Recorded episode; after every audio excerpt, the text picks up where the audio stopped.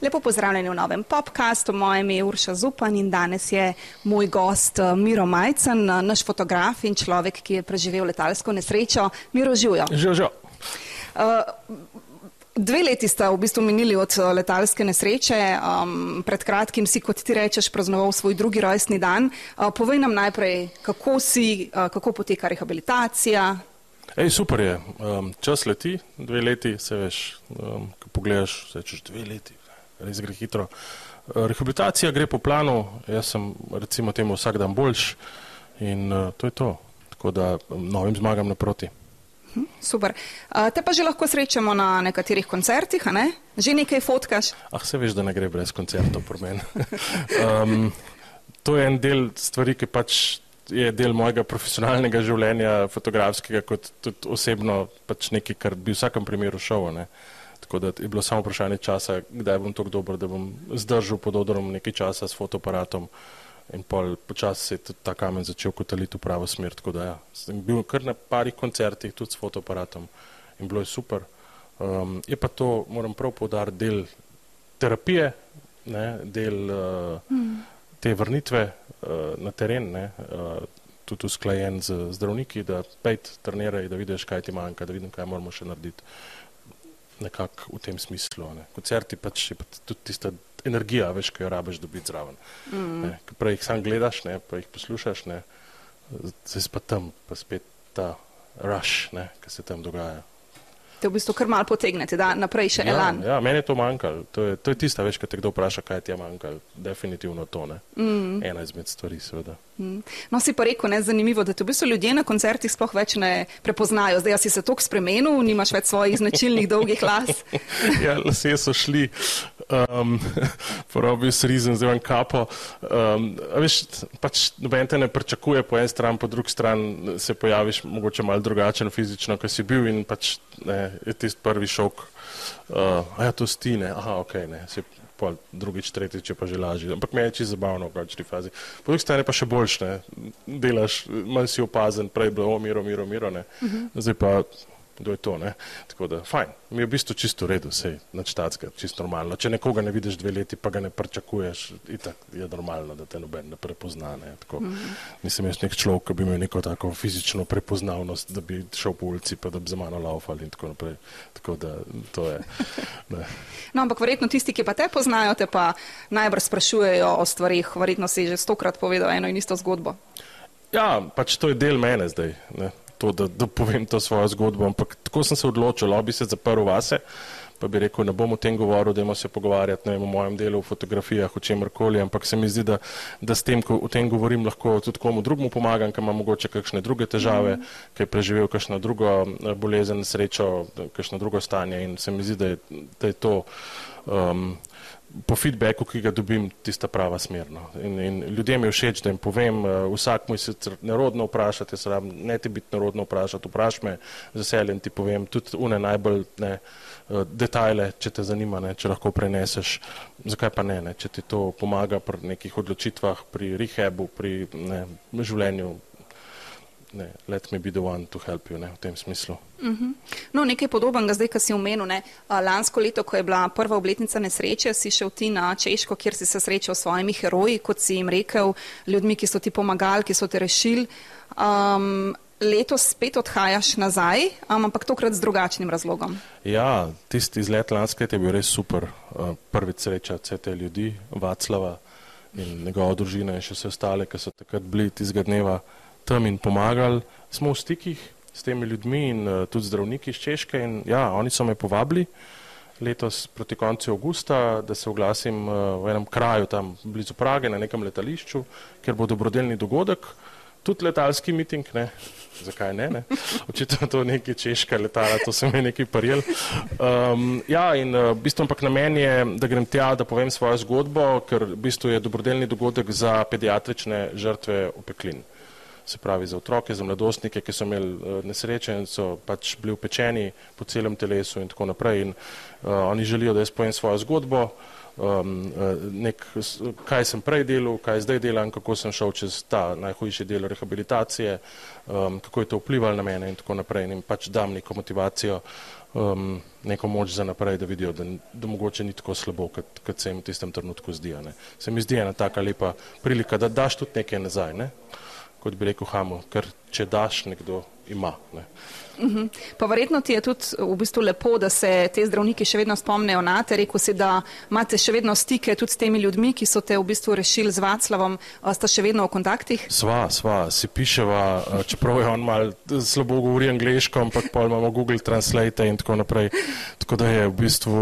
Um, Ne, ena komunikacija taka, ampak ja, ogromno je nekih slik, ogromno je pogovarjanja. Tudi bo prišel pogledat zdaj gor na ta dogodek. Ne, um, otroke, zanč mi je njegova punčka zapela Happy Birthday v angleščini, tako oh. majhna. Tako da tak je, mislim, en tak lušten friendship je ratuno. Sicer nadaljavo, ne, upam, da bo kdaj v Slovenijo prišel, da ga še jaz pelem v kolma ali pa da mu pokažem uh, še naše konce. Se mi zdi, da pač z drugimi niti nimam toliko stika, ampak z njim sva pa res uh, ohranila. No. Tudi povezal me je, uh, oziroma me bo tudi z temi, ki so me tudi s helikopterjem tam rešili in tako uh mhm. -huh. naprej. Rad bi šel še te ljudi pozdraviti, pogledati, da nekako prepeljem cel ta cikl do konca. Ne.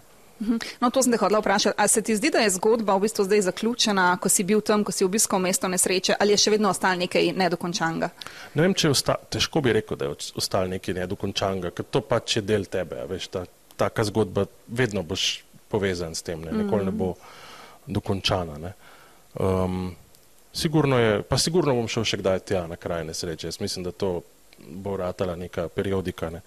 Ampak, kaj pa vem, um, to je del mene in to bo ostalo in ne vidim razloga, zakaj bi rekel, da je to konc s tem. Ne. Ampak ja, mogoče tako aktivno o tem govoriti z vsakim letom, sigurno bo manj tega, ko se vrneš nazaj, začneš druge stvari delati, drugi problemi, druge, tako ne moreš skozi v tem lapati. Ne. Uh -huh. Pa sam sebi si že ponavljaš, ne, pa rataš, zakaj tokrat. Ampak kot sem rekel že prej, pač, če nekomu na, razložim, kako jaz gledam na odpravljanje ne vem, neke bolečine ali pa preživljanje teh dolgotrajnih eh, bolniških, pa če mu to pomaga, zakaj pa ne. Mm. Um, zdaj, jaz se spomnim, nekaj si mi razlagal, da si pred nesrečo dobil neko srhljivo sporočilo na Instagram, nekakšno svarilo, kaj se ti bo zgodil. Uh, ti tega seveda nisi imel resno. Uh, no, se ti je pa pred kratkim zgodil, da si spet dobil neko nenavadno sporočilo na Instagram, tokrat mal manj temačno. Ja, tisto pred nesrečo, tisto je bilo res mal hecen. Um, tudi tako jemljem. Um, to so pa tudi ljudje po nesreči, preč bilo je neko neko šloganje po domač povedan, kaj se bo zgodilo, če ne boš to. Ne bom še zdaj v detajle, kaj je brez veze, ampak tako, kaj bil v bistvu spem.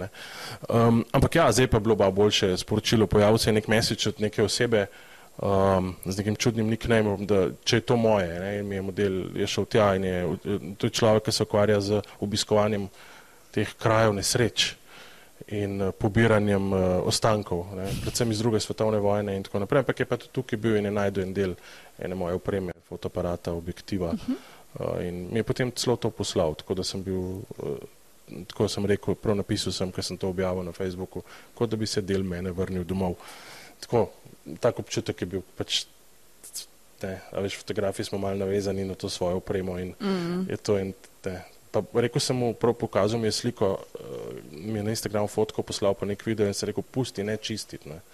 Pusti je umazana zadeva, da je, ker je bila tam, ne. In mi je tudi pokazal, video našel, je praktično 2-3 metre od tam, ker so mene našli, očitno je bila v travi in tako. Tako da ja, taka lepa, lepa zgodba, ne. Mhm. Kaj pa tiste steklenice, ki si jih tudi odnesel z kraja dogodka, ki te je Vaclav polival z vodo? To ima še? Je na varnem spravljeno z, z, v arhivu, rečemo temu.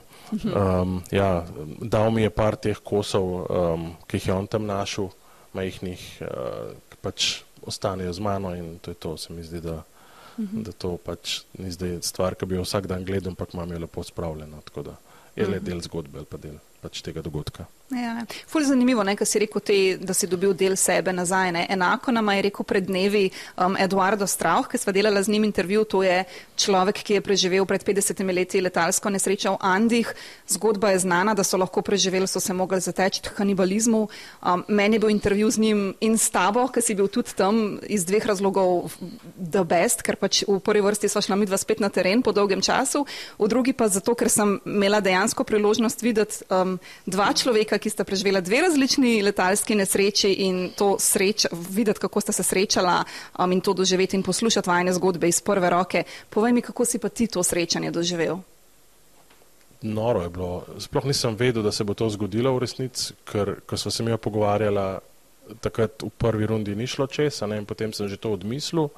Potem se je ta zgodba spet pojavila in uh, seveda vsi smo nam rekel, odraščali ob tem filmu, ampak v mladih letih smo ga ja. gledali um, in nas je ta zgodba, in brali knjigo in tako naprej predtem.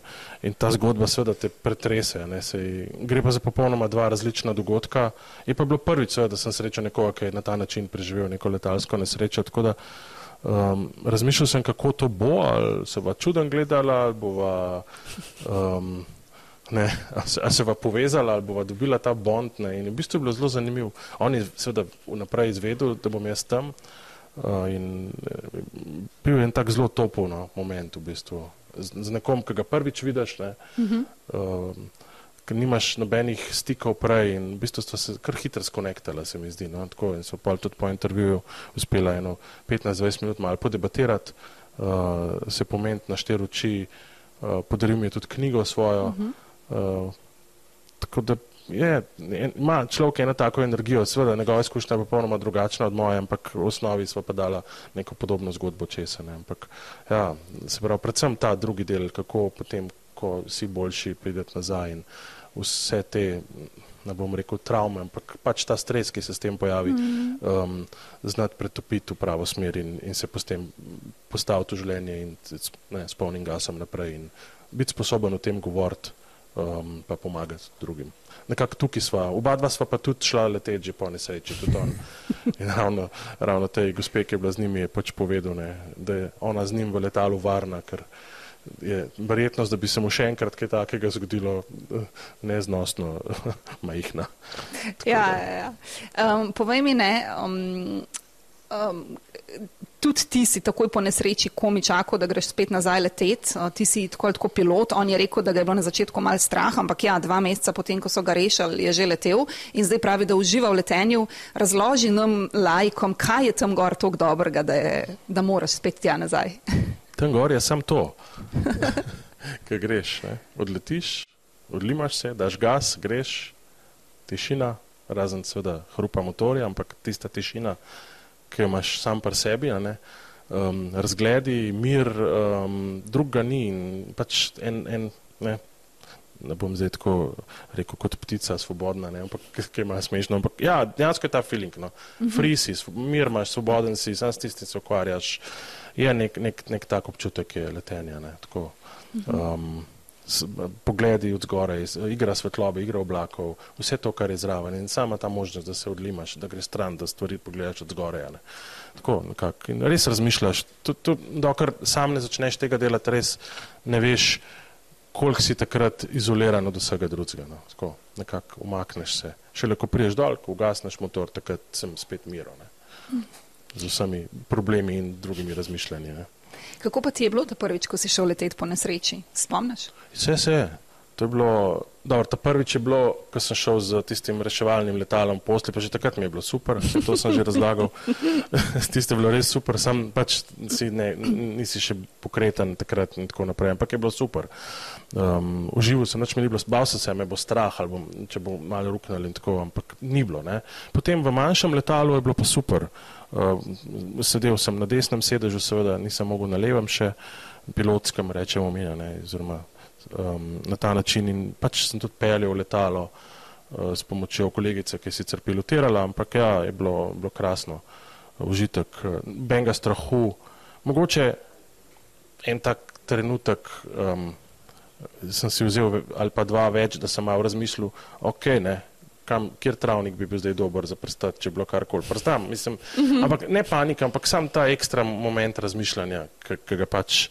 Zazi. A veš, ker nam itak, ker nas šolajo za letet, nam itak rečejo, um, nas itak učijo tega razmišljanja, da imaš skozi nek, neko skeniranje območja pred sabo in mogoče sem tukaj en trenutek več si vzel časa za to, da sem pogledal. To je edina taka stvar, ki tako za nazaj, ko pogledam.